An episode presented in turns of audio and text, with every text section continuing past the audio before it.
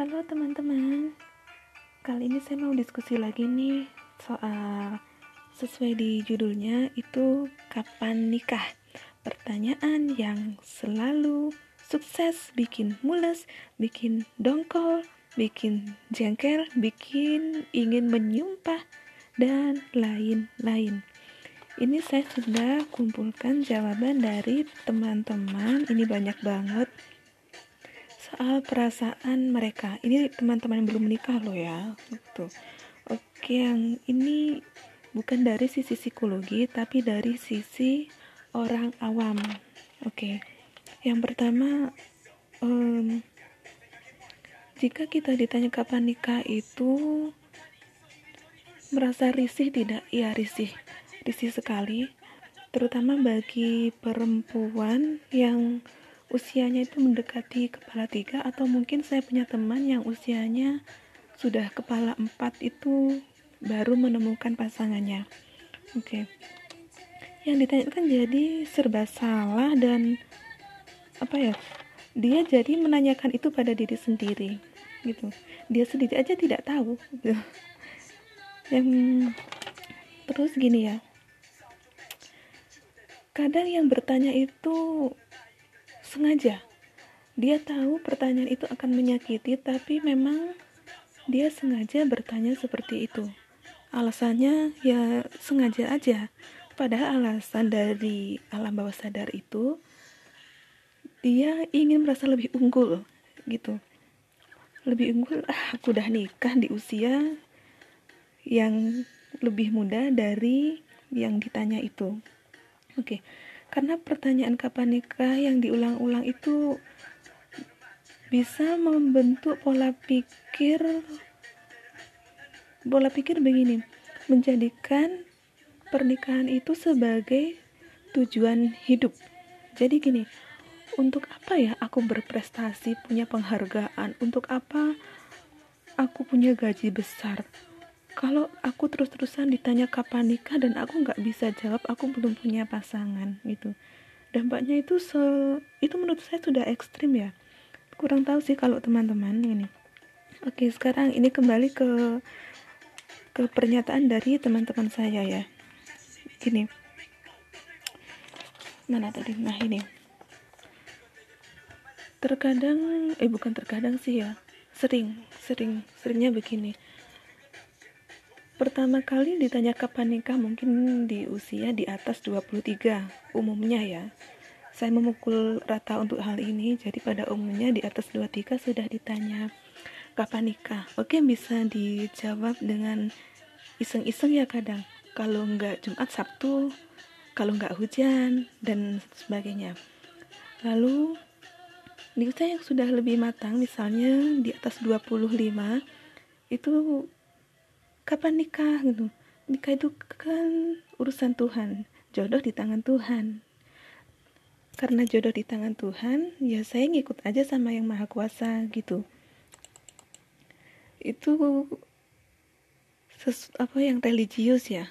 Lalu ada juga teman saya yang karena uh, usianya sudah 30 lebih mohon maaf ya itu dia punya cara tersendiri untuk menjawab seperti itu.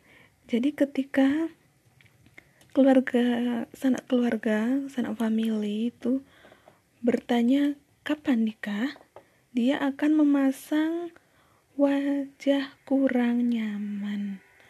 Gitu. Jadi waktu itu dia cerita, dia mau makan snack waktu lebaran. Ditanya nih sama tantenya, kalau nggak salah tantenya ya, itu gini, kapan nikah? Gitu. Dia langsung menghentikan menghentikan tangannya yang sedang mau menyiapkan makanan ke mulutnya.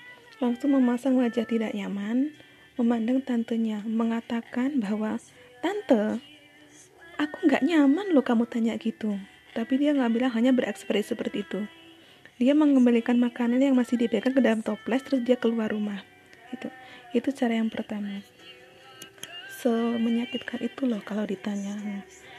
Lalu teman saya yang lain itu bilang seperti ini yang seperti saya katakan di awal.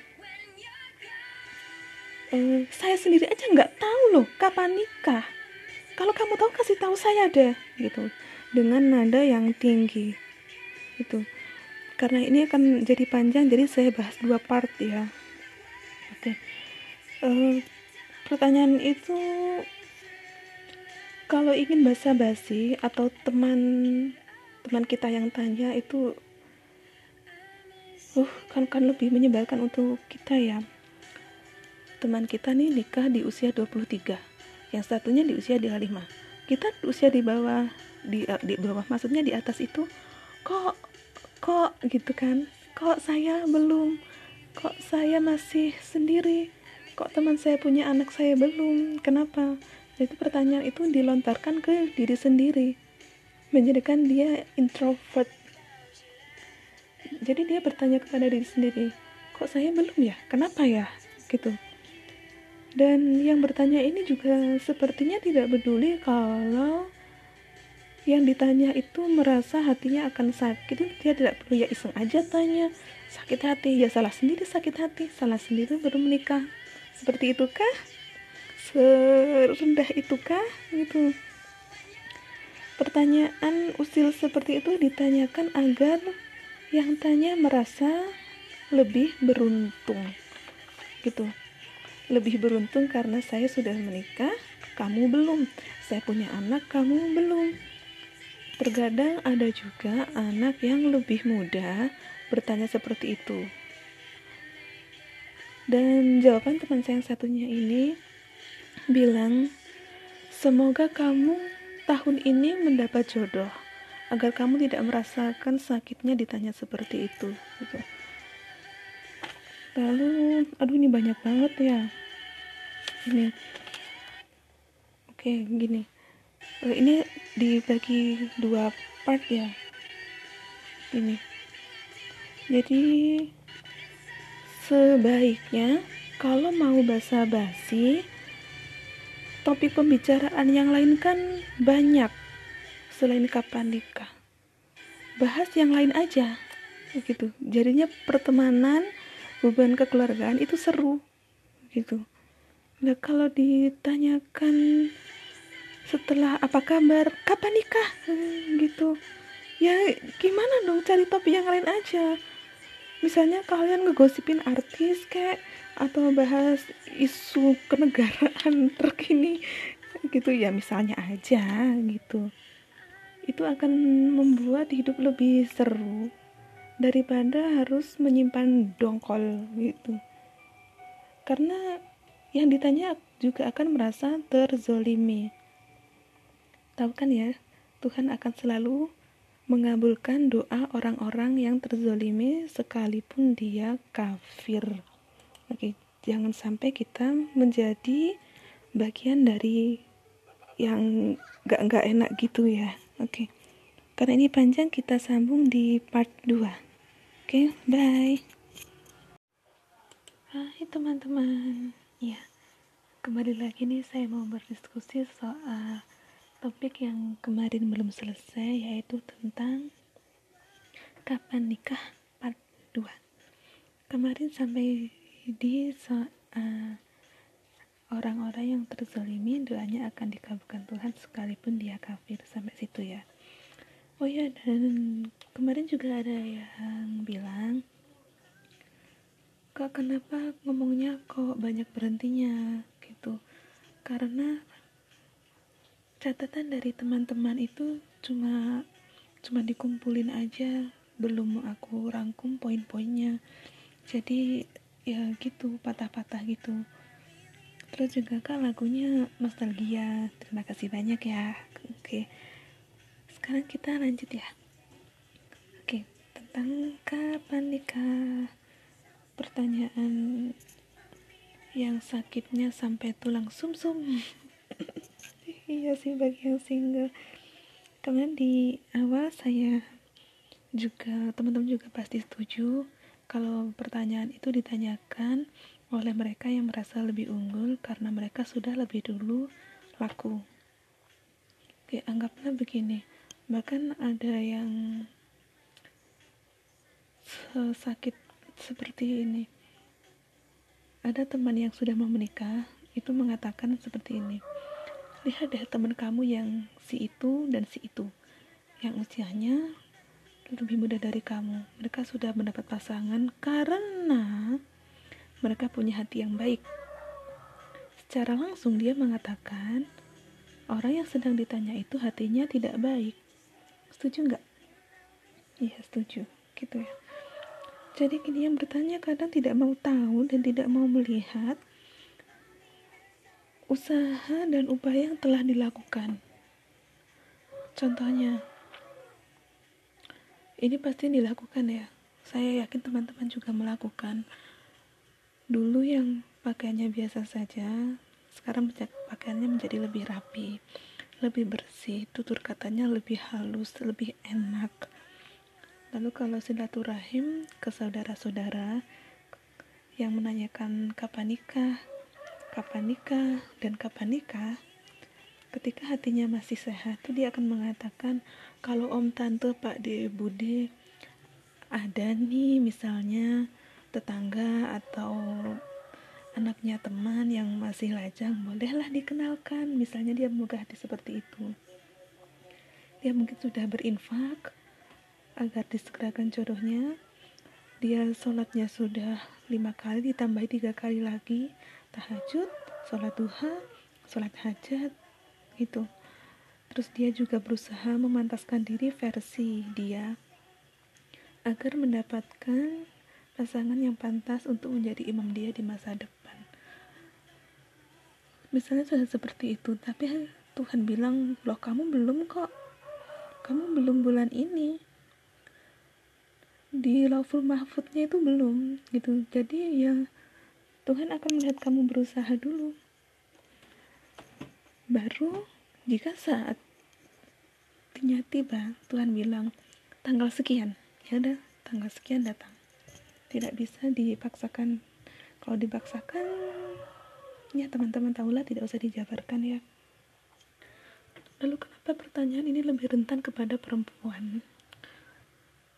Karena laki-laki itu yang ditanya bukan kapan nikah tapi soal kebanyakan soal jabatan kebanyakan soal jabatan pekerjaan dan apa saja yang sudah dia kalau perempuan setinggi apa pun prestasinya kalau belum nikah akan terus tanya kapan nikah karena prestasi itu kadang dianggap tidak penting untuk kalangan perempuan.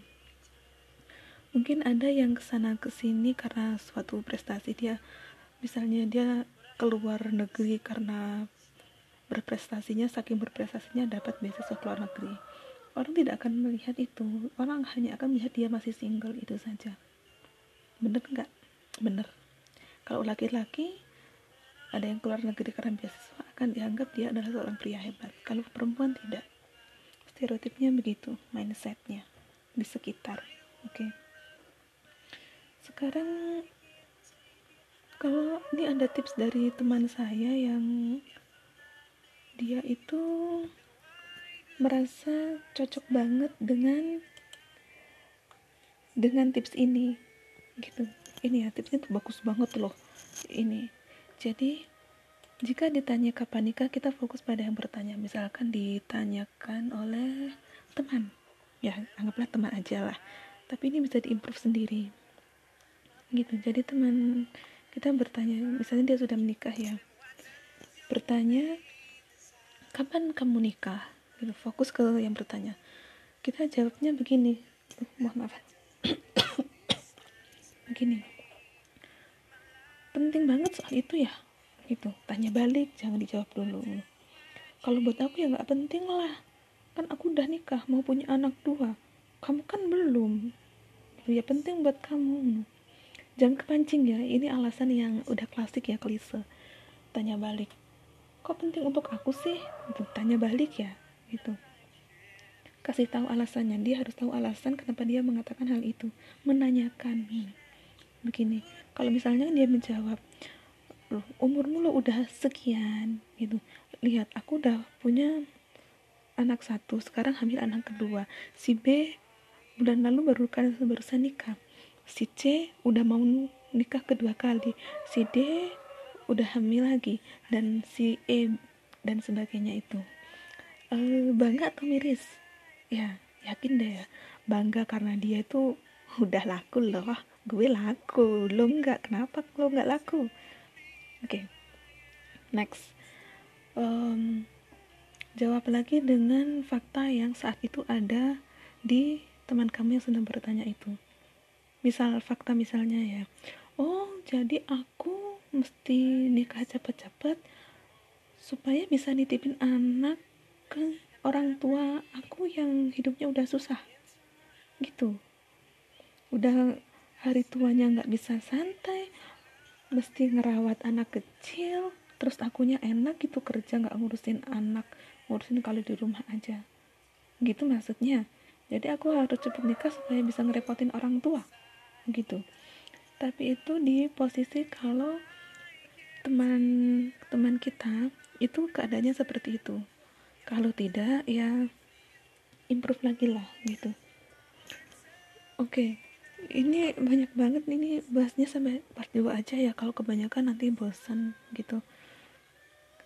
Ada juga yang begini kamu usahanya kurang karena itu kamu nggak laku gitu. Coba deh bikin proposal taruh kirimin ke si ustadz itu ustazah itu mungkin kamu akan dipertemukan dengan orang yang cocok. Ada yang kayak gitu nggak? Pernah nggak kayak gitu? Ini ada teman saya yang seperti itu. Dia tidak mengirim proposal nikah tapi tiba-tiba ustazahnya menghubungi dia. Minta proposal dia dengan apa ya tiba-tiba boleh minta proposalnya enggak gitu.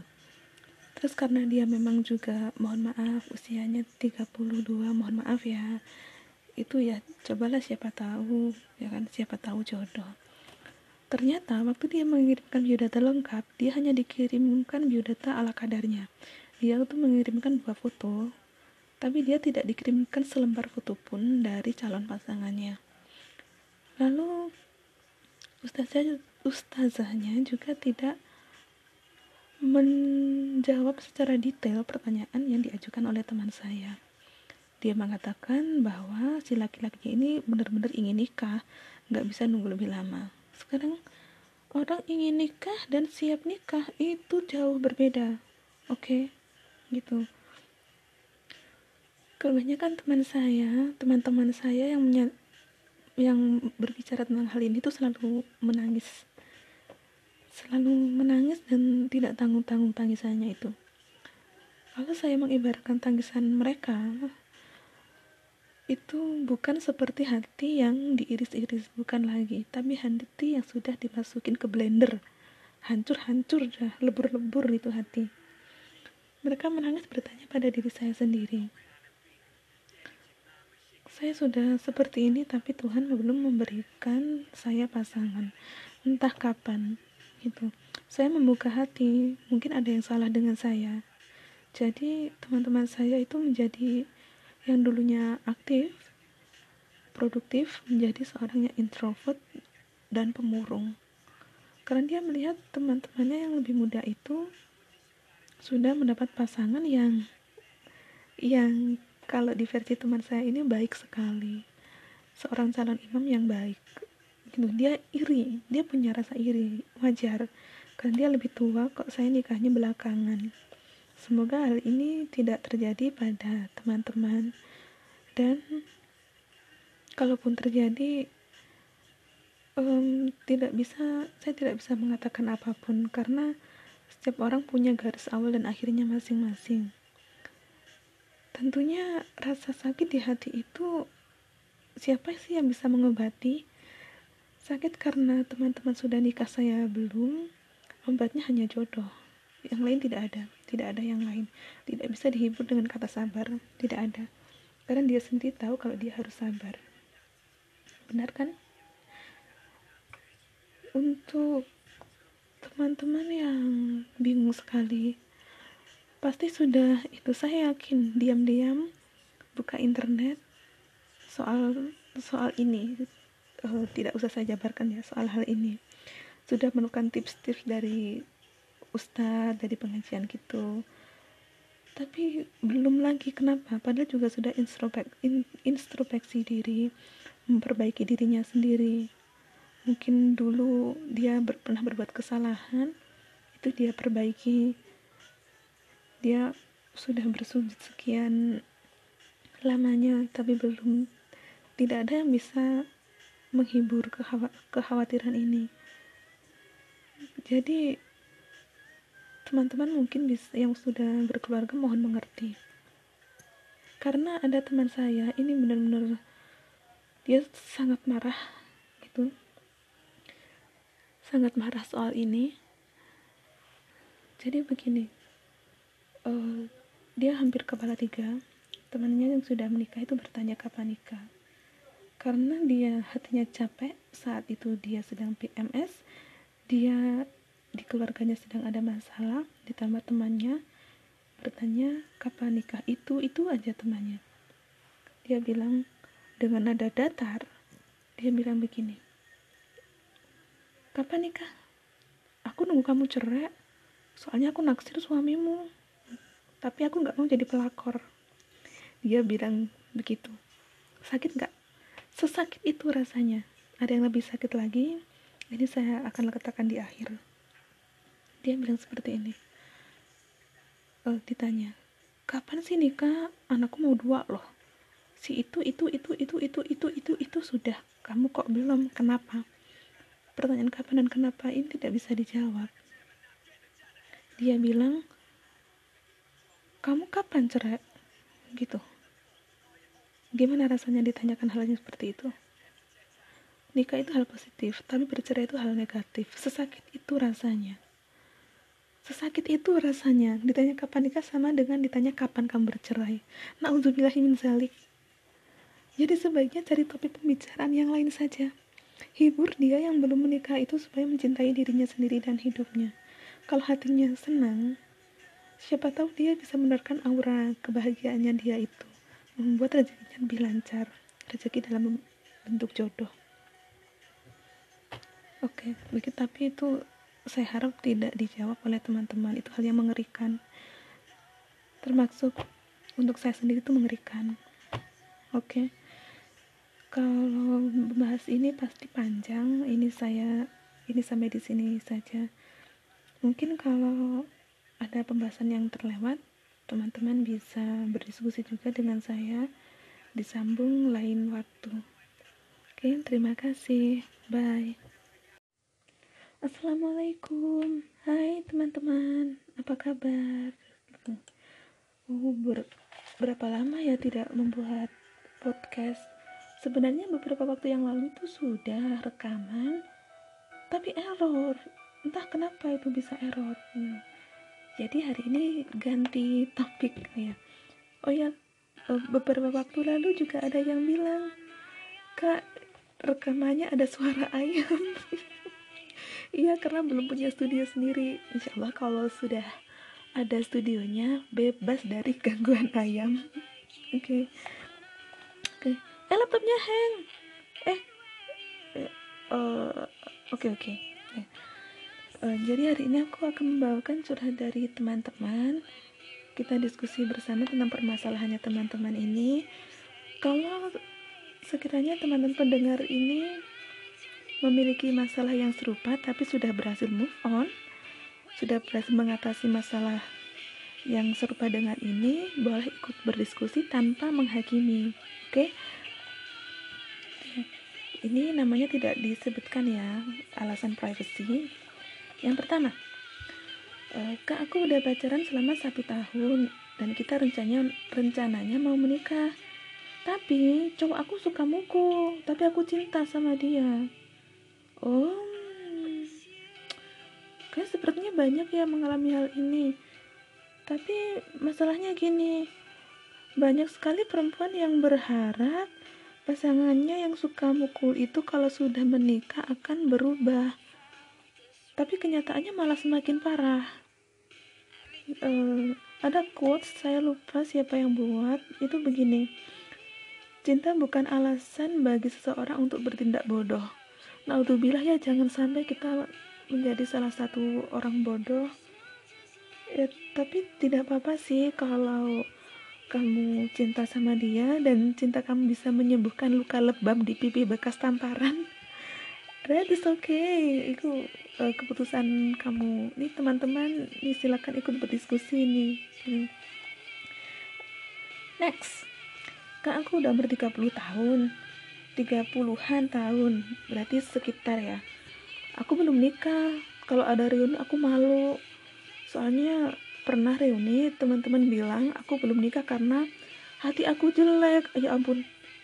Aku nggak usaha. Ya standarnya tinggi dan lain-lain. Astagfirullah. Kok ada?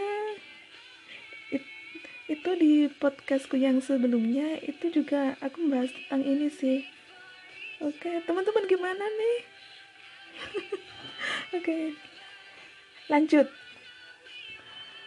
Kak aku punya teman teman deket. Dia cantik putih. Inya banyak teman-teman. Langsing. Dan aku adalah kebalikannya. Oh body shaming ya. Dia sering ngajak aku nemenin ketemuan sama gebetan-gebetan dia. Aku tuh yakin kak tujuan dia itu untuk tinggi hati. Aku tuh pengen bales.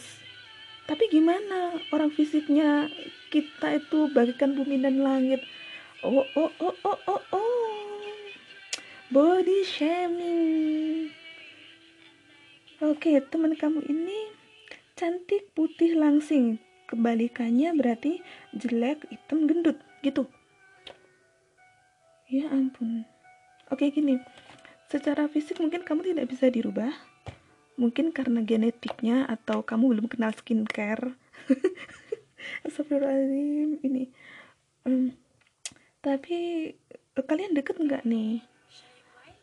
Kalian deket apa enggak kalau terlalu deket ya ya gimana ya? Ya udah gini caranya untuk membalas adalah kalau ketemu sama gebetan kan biasanya cowok itu akan lebih memperhatikan cewek yang bening licin kayak bihun rebus oke okay. simple aja kamu tetap temenin Cuma karena kamu tahu kan tujuan dia itu untuk tinggi hati agar uh, ada yang bisa disombongkan karena dia membawa teman yang secara fisik itu di bawah dia. Bawa buku aja. Bawa buku apa pun. Buku apa pun kalau dia ketemuan kan uh, otomatis dia bakal ngobrol sama cowoknya dan cowok itu nggak mungkin ngobrol sama cewek yang secara fisik ya seperti kebalikan ini. Ya udah kamu bawa buku kamu bacalah itu. Jadi intinya sok kutu buku gitu. Itu cara membalas ternyata kamu lebih memilih membaca buku daripada meladani obrolan-obrolan seperti itu gitu. jadi teman-teman gimana nih yang memiliki permasalahan yang sama cara membalas yang cantik gitu oke okay. next nilai MTK aku jelek sering dibilang bego sama ortu tidak Aku sedih, padahal nilai-nilai yang lain itu bagus-bagus. Oh, ini dari zaman saya dulu sepertinya kecerdasan seorang anak itu diukur dari nilai matematika. Kalau nilai matematikanya bagus berarti dia pinter. Kalau enggak ya enggak pinter. Itu. Hmm, kamu kan pada di bidang lain ya. Kamu pernah nggak sih ketemu seorang chef ya seorang chef itu tidak perlu ilmu mengukur kedalaman laut bener nggak dia cuma perlu ilmu masak memasak kamu tidak jago matematika ya ya yang lain akan membantu kamu mungkin masa depan kamu mungkin ya masa depan kamu bukan di matematika tapi di bidang lain. Tapi karena orang tua sudah bilang bego itu waduh itu ke hati sampai tulang sumsum sampai tulang belakang tulang iga tulang rusuk. Aduh ya allah. Hmm, sebaiknya bicara dari hati ke hati nih. Oh ya teman-teman yang masih sekolah ini yang memiliki pengalaman sama gimana? Bisa share di sini ya gitu. Oke okay, next temen baperan dan gak tahu terima kasih. Say goodbye beres. Ini aku bukan jangan ngikutin solusi aku kalau nggak cocok lo ya gitu. Lalu kak orang tuaku suka banding-bandingin aku sama anak tetangga. Dan kalau aku omongin jeleknya ortu selalu marah-marah. Tapi sekarang kita sama-sama kelas 2 SMA temenku yang selalu dibagus-bagusin eh dibagus-bagusin dibagus-bagusin itu sekarang hamil sama mantan aku. Baru ortuku tahu. Tahu jeleknya gitu ya. Good job. Kamu putusin dia kan? Putusin cowok kamu itu. Ya ya gimana namanya orang tua pasti suka bandingin kamu jadi kayak anaknya itu loh udah cakep rajin pinter nurut sama orang tua. Lah kamu jangan gitu ya ini untuk teman-teman calon orang tua. Kalau kita sudah mengalami hal buruk masa kecil jangan turunkan ke anak. Jadilah orang tua yang lebih baik. Misalnya dulu kita dibandingkan uh, kamu uh, kayak ini ya tadi dibilang bego karena nilai matematikanya jelek kalian jangan gitu ya teman-teman kasihan anak kalian nasibnya sama kayak kalian oke okay? ruang diskusi terbuka. Oke, okay, next. Kayak gimana caranya usaha tanpa modal? Hello, 2020 mau usaha tanpa modal.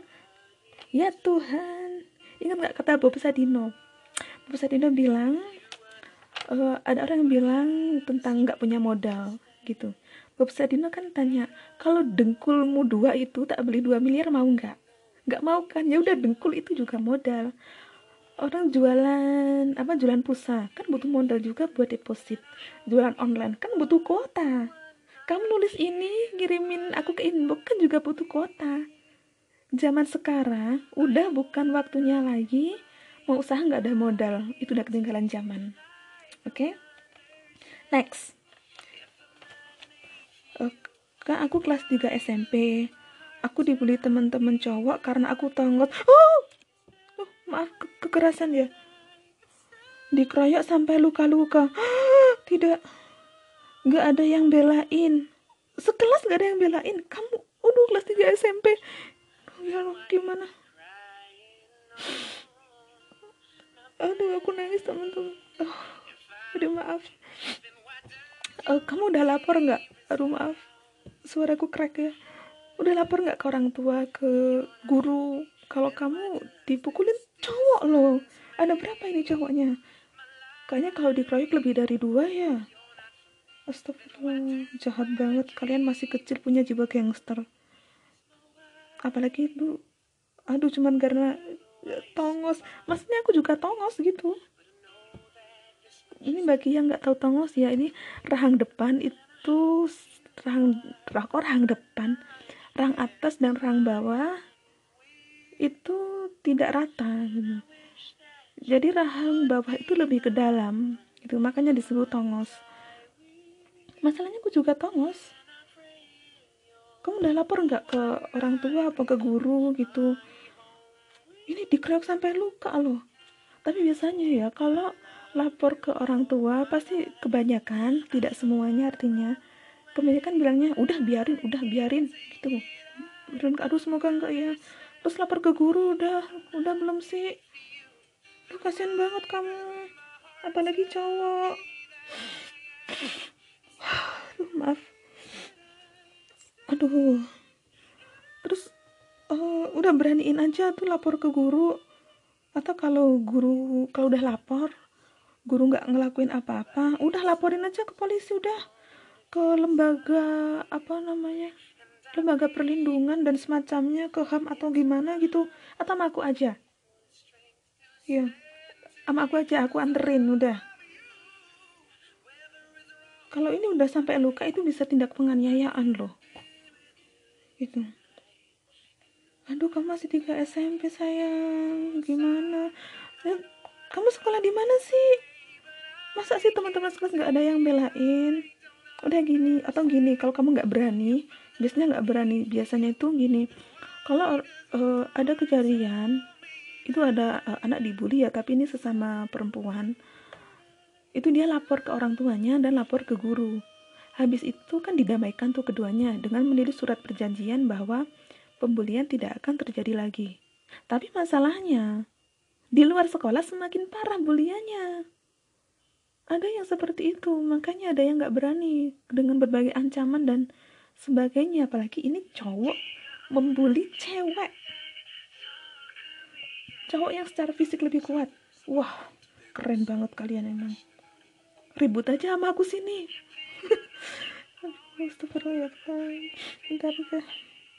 Oke, atau gini aja. Kamu bela aja diri. Kamu bisa bela diri. Ini kamu sekolah di mana sih? Fotonya pakai kerudung nggak parah banget loh tongosnya perasaan. Atau gini? Kamu udah kelas 3 kan? Ujiannya masih lama nggak? Kalau pas ujian nasional udah selesai mereka masih uh, kayak menganiaya kamu ya? Ribut aja. Tiga orang cowok udah ribut aja. Aduh, lagian kamu juga gak, balik, gak bakalan ketemu lagi kan? Udah gak beli kamu luka-luka lebam-lebam Mau sampai retak Kamu membela diri. Itu akan dihitung ibadah sama Tuhan. Karena orang muslim itu Di agama Islam itu tidak boleh menzolimi sesamanya Tapi kalau kita dizolimi Kita dihalalkan untuk membalas Atau istilahnya membela diri kalau di mata hukum Udah, nggak apa-apa. Hitung setiap luka yang kamu dapat itu sebagai penebus dosa yang telah kamu lakukan sejak akhir balik. Udah. Nih teman-teman, kalau satu sekolah sama dia belain dong. Tuh kasihan nih masih SMP hanya karena fisik itu baru saja menghina penciptanya itu.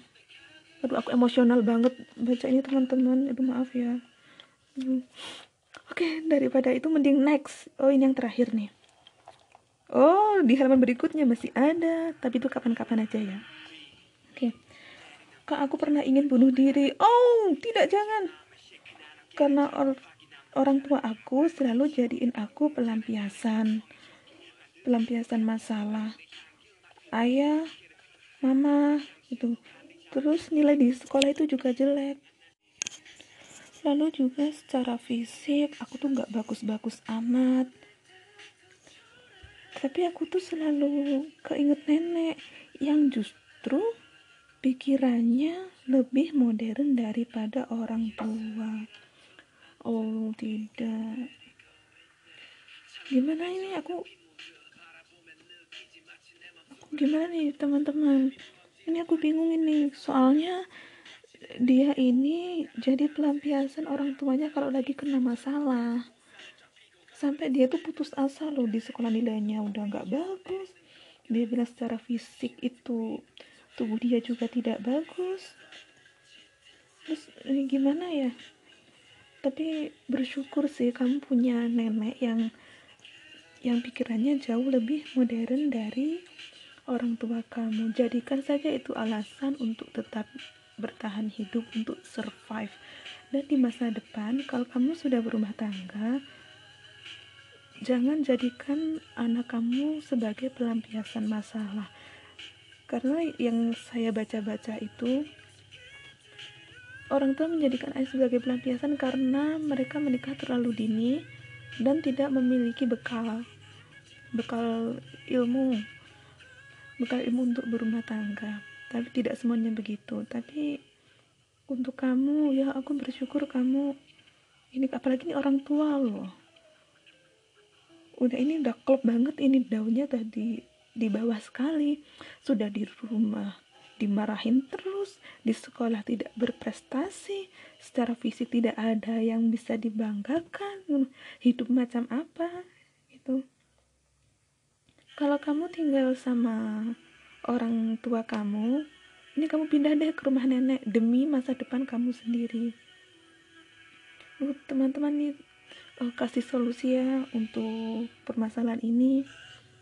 Kalian yang lebih berpengalaman mungkin di bidang uh, hukum bidang psikologi atau uh, yang sesuai lah yang kalian itu berhasil move on berhasil mengatasi semua permasalahan yang ada di sini tolong bantuannya. Oh iya dan lagi aku berkali-kali mendecak gitu ya. Itu karena gusi aku berdarah. Jadi ma maaf ya kalau itu suaranya mengganggu.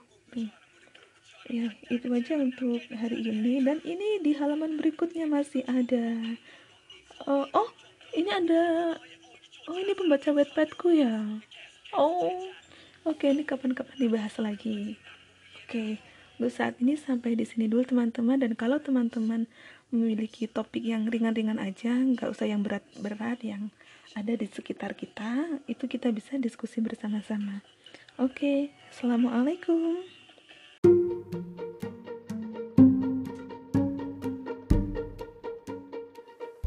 Assalamualaikum. Halo teman-teman, ini Tisti Bagaimana kabar kalian hari ini di tengah terjangan virus corona atau COVID-19 yang mengharuskan kita untuk tetap berada di rumah demi keselamatan kita sendiri Semoga ini menjadikan kita tetap produktif, bukan menjadi kaum berbahan, oke? Okay? Hari ini aku akan um, membahas sesi curhat kemarin, ternyata banyak balasan yang masuk Oke, okay tapi ini aku hanya akan bacakan beberapa saja karena banyak yang sama dan ini banyak yang masuk demi menghemat kuota gitu ya walaupun uh, ada kabarnya pemerintah kita menggratiskan kuota sebesar 30 MB tapi entahlah ya saya belum memastikan kabarnya oke okay. uh, eh, langsung saja aku sebelumnya berterima kasih karena banyak sekali dari kalian yang peduli pada teman-teman kita yang lain. Oke, sekarang aku mulai dari yang pertama. Kemarin ada yang curhat kalau pacarnya itu suka mukul sementara mereka mau nikah. Oke. Beberapa dari penjawab atau pendengar ini mengatakan tinggalkan saja lelaki seperti itu. Karena di sini ada yang bilang kalau tantenya adik dari ibunya itu suaminya juga suka mukul selama pacaran dan berharap ketika sudah menikah suaminya ini akan mengurangi atau berhenti mukulnya. Ternyata it's not gonna happen. Tetap dan semakin parah. Jadi disarankan untuk just leave him. Kamu berhak untuk cinta yang lebih baik. Oke. Okay. lalu umur 30-an belum menikah dan ketika reuni teman-teman teman-teman dia mengatakan kalau hatinya jelek nggak usah standar tinggi dan lain-lain. Itu hanya Tuhan yang tahu. Uh, di sini ternyata ada beberapa dari kalian yang uh, 30-an juga belum mendapatkan pasangan. Dan mereka mengatakan kalau mereka adalah alpha woman. Wow keren banget tepuk tangan dulu dong teman-teman alpha woman bukan berarti mereka tidak membutuhkan laki tapi mereka menikmati hidup mereka. Bukan berarti mereka tidak mendengar kata orang cepetan nikah dong udah umur segini. No it's not their business. It's my business my life my world. You with your word and me with my word just this okay, so enjoy yourself tet tetap produktif tetap berkreasi karena selama lamanya orang berumah tangga eh kebalik ya selama lamanya orang melajang masih lebih lama orang berumah tangga karena itu seumur hidup daripada kamu kawin cerai mending just be a creative girl oke okay. lalu untuk body shaming body shaming yang temannya cantik putih langsing Sementara dianya ini kebalikannya. Sering mengajak ketemuan sama gebetan, tapi yakin nih kalau itu hanyalah maksud untuk tinggi hati agar merasa lebih unggul. Nah, ternyata ini dari kalian wah banyak banget yang mengirim serta si pengirim ini, si pencurhat ini. Oke. Okay.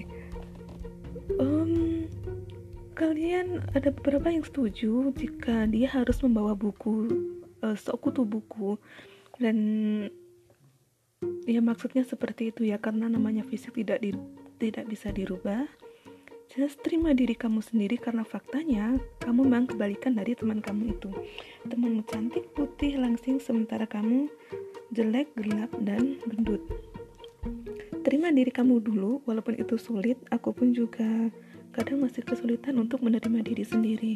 Tapi buku ternyata bisa membantu si pencurhat ini.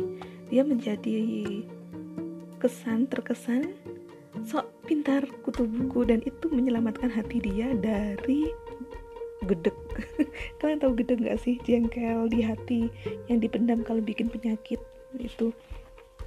Oke, okay, yang Oke, okay, selanjutnya ini karena banyak dan ini aku harus merangkum dulu jadi untuk hari ini cukup itu oh ini ada satu lagi yang lain aku akan siarkan di podcast selanjutnya teman baperan dan nggak tahu terima kasih oh ini saya yakin banyak atau hampir semua orang punya teman yang seperti ini.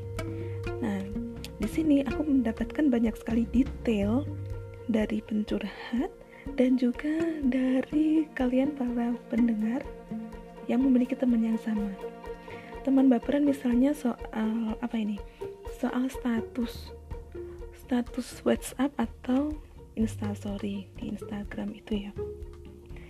Kita sedang membicarakan mantan pacar, tapi dianya baper mengira itu membicarakan hal tentang dirinya.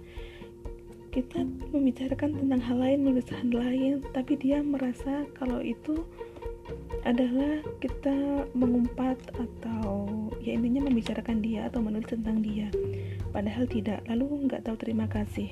Ya udah kalau nggak tahu terima kasih nggak usah dijabarkan ya. Ini ternyata banyak yang pemilik teman seperti ini mengatakan ya udah say goodbye. Say bye bye bye. Oke. Okay. ini juga ada teori yang eh, teori konspirasi kali. Juga ada yang mengatakan kalau teman baperan itu merasa dirinya adalah pusat, pusat alam semesta layaknya matahari. Oh ini pasti kuliahnya tulisan bahasa Indonesia ini ya. Oke, okay. dia merasa segala hal yang terjadi di sekitarnya itu berhubungan dengan dirinya. Padahal juga nggak semuanya, paling hanya beberapa persen saja karena teman baperan itu merasa penting atau merasa ingin dijadikan penting. Ini bukan menurut saya loh ya, ini dari pendengar jadi kalau kalian punya teman baperan terus uh, ini apa ini? Nah nggak bisa dinasehatin ya benar nggak? Nggak bisa dinasehatin ya udah say goodbye. Cari teman lain yang lebih dewasa atau dewasanya se standar dengan kita dan nggak baperan. Sekarang udah nggak zaman baperan ya. Perempuan tuh berperan bukan baperan oke? Okay? itu saja untuk malam ini. Dan teman-teman jika ingin merekomendasikan suatu topik podcast juga bisa silakan langsung diskusi atau menghubungi aku di mana pun itu bisa. Ini yang paling banyak rekomendasi tentang horror story. Aku nggak punya horror stories teman-teman. Bagaimana ya? Kalau teman-teman punya bisa kirim ke sini. Nanti aku bacakan um, tapi harus ditulis ya. Kalau ingin namanya dirahasiakan akan aku tulis anonymous. Kalau ingin dibacakan aku juga akan membacakan nama kalian. Oke? Okay? tetap sehat tetap menjaga kebersihan tetap beribadah tetap tawakal. Assalamualaikum warahmatullahi wabarakatuh. Assalamualaikum, halo teman-teman. Ini Risti, apa kabar kalian sehari ini? Hai wahai kaum rebahan termasuk saya. Kita diberi kesempatan untuk memberi manfaat kepada orang lain dengan cara rebahan. Kapan lagi kita mendapat pahala dengan rebahan? Tentunya aku sedang membicarakan virus di luar sana. Oke, tapi sampai di situ saja. Sesuai janjiku beberapa waktu yang lalu, aku akan melanjutkan membicarakan tentang curhatan teman-teman yang sudah dijawab melalui podcast ataupun yang masuk melalui medsosku yang lain. Oh ya dan kemarin juga ada yang bertanya, Kak kalau mau ikut curhat di podcastnya Kak Rizky harus follow dulu nggak? Oh aku bilang nggak harus, kalian nggak harus follow sosial media aku, entah itu Instagram atau semacamnya nggak harus bebas aja aku nggak mewajibkan hal itu oke okay?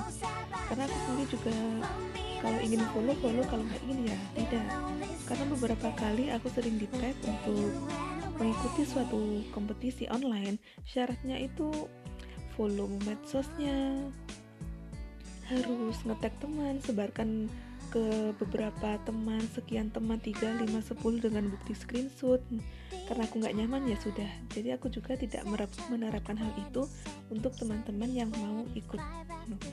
Oke. Kemarin sudah jawab beberapa sekarang aku akan membacakan solusi-solusi um, dari teman-teman yang masuk. Oke. Kemarin yang belum itu ini. Kelas 3 SMP dibully teman-teman cowok karena tongos.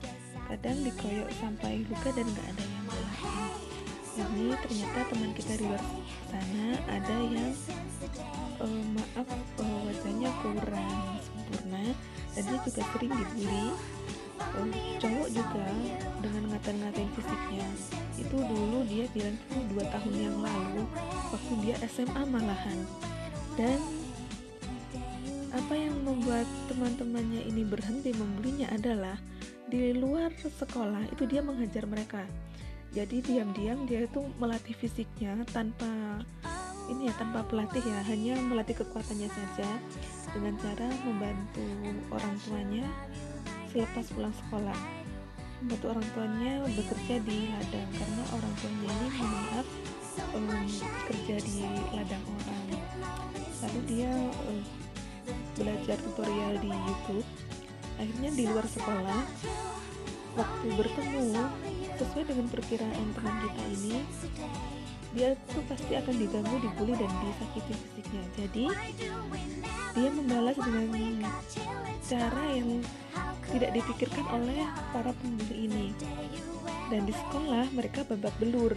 Dan ketika ditanya para guru, lelaki-lelaki ini siswa-siswa ini mengatakan kalau diajar oleh teman kita ini. Tentunya para guru tidak percaya. Mana mungkin eh, laki-laki dihajar dengan seorang perempuan perempuan yang dari segi fisiknya lebih lemah dan dia bercerita kalau dia tuh pendek pendeknya pendek standar bukan pendek banget dan ternyata dia mempelajari sesuatu kalau kekerasan fisik yang dia terima itu tidak bisa dibalas dengan diam saja kalau melapor pun juga percuma karena dia juga bukan anak orang berada jadi dia membalas dengan fisik juga jadi pembuli ini berpikir, oh ternyata dia bisa melawan dan tidak lemah, begitu. Ini bukan saya yang bilang, tapi ini teman kita yang bilang itu. Lalu ada beberapa juga mengatakan beranikan diri untuk lapor polisi, itu tindak penganiayaan. Kalau minta damai, ya sudah tidak apa-apa damai saja. Karena kalau kita lapor polisi, itu kita menunjukkan kepada mereka bahwa saya berani. Saya berani lapor polisi nggak takut apa pun resikonya. Gitu. Oke lanjut. Lanjut di orang tua suka membandingkan dengan anak tetangga dan kalau ngomongin jeleknya orang tua selalu marah-marah dan waktu kelas 2 SMA dia hamil sama mantan pacarnya oke okay.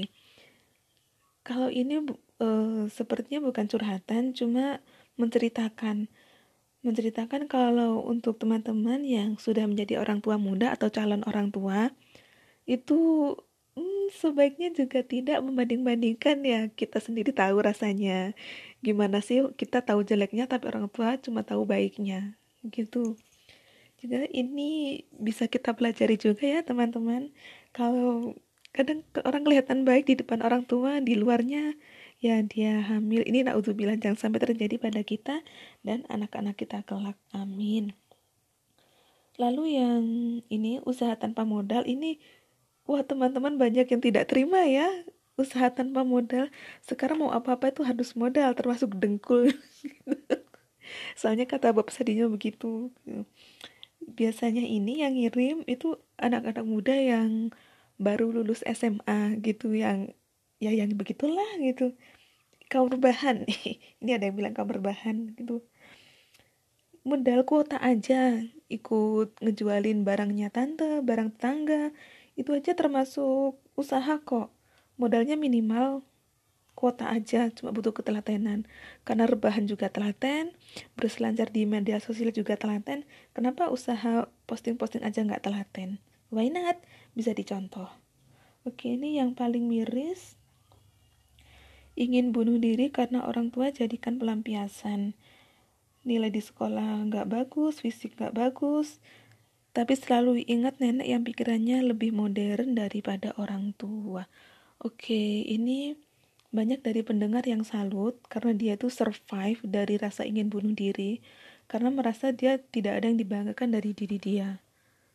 Gimana nilai sekolah jelek, wajah juga jelek, di rumah nggak bisa bebas nggak bisa curhat ke siapa-siapa banyak yang menyarankan um, untuk pindah ke rumah nenek aja dengan syarat patuh sama nenek dan nggak bikin nenek capek. Itu. Karena nenek kan sudah sepuh. Oke. Okay. itu kalau memungkinkan. Oke. Okay. karena Alhamdulillah aku sendiri tidak mengalami seperti, seperti itu jadi aku kurang tahu.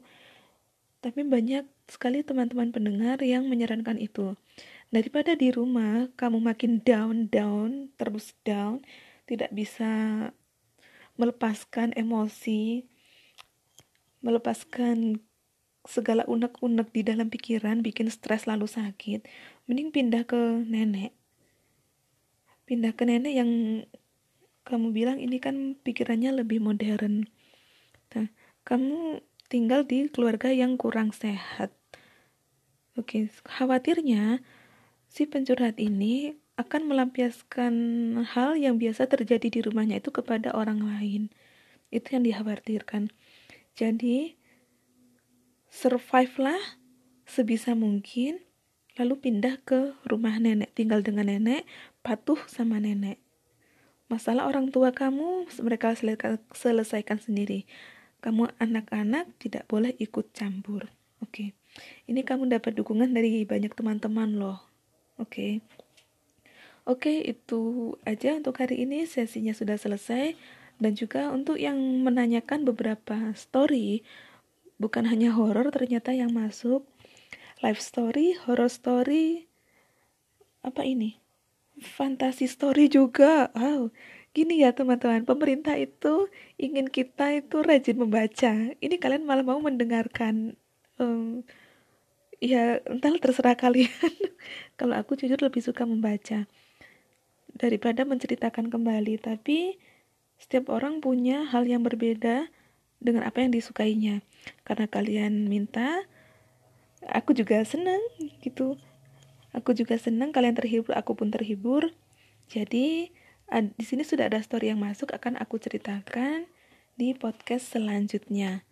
Untuk kalian yang punya ide podcast bisa langsung kirim ke sini entah itu via Anchor ini atau media sosialku yang lain. Oke? Tetaplah sehat, tetap menjaga kebersihan, patuhi aturan pemerintah, jangan bandel, tetap produktif. Assalamualaikum.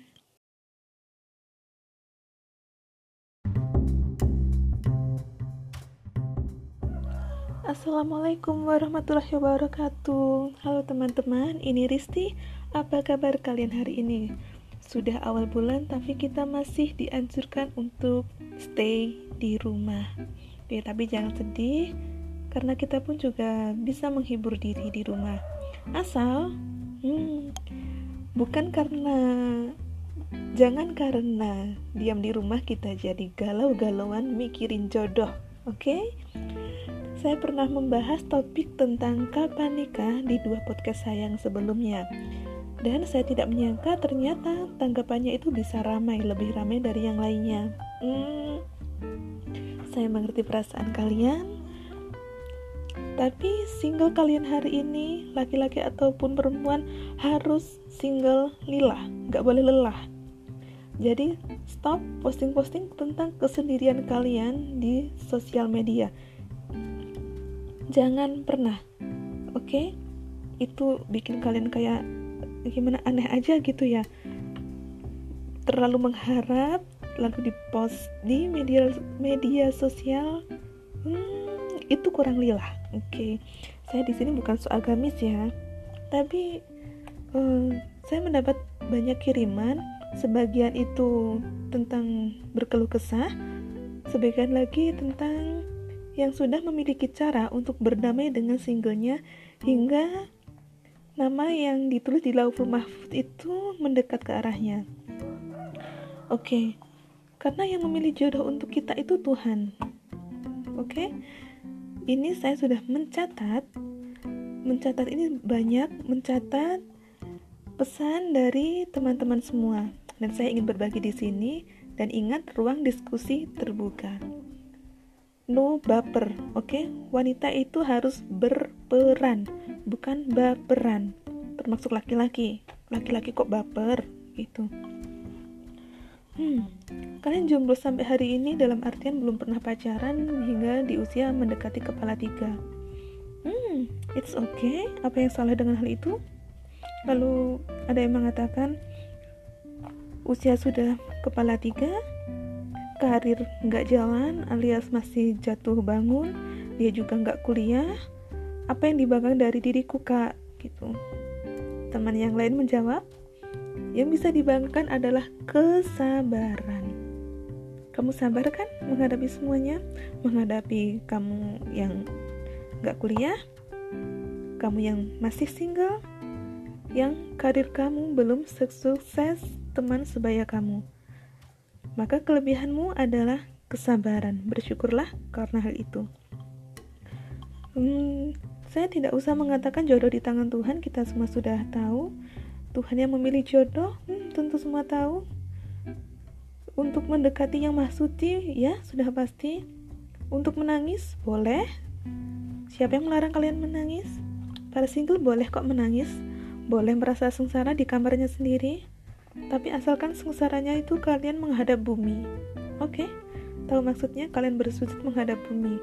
Berkeluh kesah dengan yang maha kuasa. Teman kalian sudah punya anak dua. Kalian single. Sakit banget, sakit melihat dia oh di status, di storynya update tentang anak betapa bahagianya dia bersama suami dan anak-anaknya sementara kalian masih menangis eh it's okay itu cobaan untuk kita semua. Tidak ada satu orang pun yang melarang kalian menangis asal kalian tidak menangis di ruang publik. Dalam arti, jangan menangis di status WhatsApp, jangan menangis di Instagram. Menangis itu di bumi, sayang. Di sini juga ada beberapa yang sepertinya saya akan mengatakan di sini kurang sopan. Saya mendapat beberapa kiriman yang kurang sopan yaitu anak perempuan yang masih berusia 20-an ingat ya 20-an jadi antara 21 sampai 24 di mana mereka mengirim voice note ke saya sambil menangis dan mengatakan kalau mereka masih single dan gak laku Hai, umur kalian berapa? 20-an dalam arti 21 hingga sekitar 25-an Kalian tahu berapa usia orang-orang perempuan-perempuan yang mengirimkan pesan ke saya? 30-an. Kalian harus memiliki sopan santun ya. Di sini kalian hanya akan membuat teman-teman yang usianya di atas kalian itu menjadi rendah, rendah diri. Dan itu aku peringatkan di sini ya, karena kalian ya kalian menurut saya menurut saya tidak sopan. Oke. Okay. Ini akan saya bagi menjadi beberapa podcast lagi dan saya akan membacakan pesan-pesan dari teman-teman semua untuk yang lebih jelas karena ini saya mencatatnya juga uh, kurang rapi saya lihat saya lebih suka mencatat daripada membaca di laptop karena ya bagus untuk mata saya juga suka menulis hmm, menulis walaupun ya begitulah oke okay. selanjutnya ini puisi oh ini saya kira puisi di internet banyak yang membahas tentang betapa dia merindukan seseorang yang bahkan namanya saja belum tahu. Gitu. Dia meletakkan kepercayaan kepada siapa yang namanya belum dia tahu, orangnya belum dikenal, sebegitu tingginya. Teman-teman saya ini percaya bahwa nama yang dia rindukan itu adalah nama yang bisa memanggul kepercayaan mereka. Oke, okay? Mereka percaya pada Tuhan, percaya pada nama yang bahkan belum pernah mereka kenal sebelumnya, belum pernah mereka dengar. Jadi untuk hari ini, silahkan kalian menangis dulu. Boleh menangis karena iri, itu boleh. Asalkan tuntas, tuntas hari ini saja. Jangan simpan rasa iri dalam hati hingga kita membenci teman-teman kita yang telah berumah tangga. Oke, kalian boleh mendengarkan mendengarkan cacian, mendengarkan dukungan, dan semua itu akan kembali ke diri kita sendiri. Mana yang lebih dominan, ke sebelah mana hati akan kuat. Intinya, boleh menangis, boleh sedih, boleh marah, asalkan tidak dilanjutkan ke hari-hari ke depannya. Oke, okay? saya akan membahas lagi di podcast selanjutnya karena ternyata teman-teman juga banyak sekali yang merespon. Saya sangat senang. Untuk teman-teman yang memiliki topik podcast yang enak dibahas, yang ringan-ringan aja, nggak usah topik uh, terkini yang lagi hangat-hangatnya yang berat-berat. Kita uh, secara umum saja oke? Okay? itu saja untuk hari ini. Tetaplah produktif tetaplah kreatif tetap sabar. Jangan lupa ibadah. Dan wassalamualaikum warahmatullahi wabarakatuh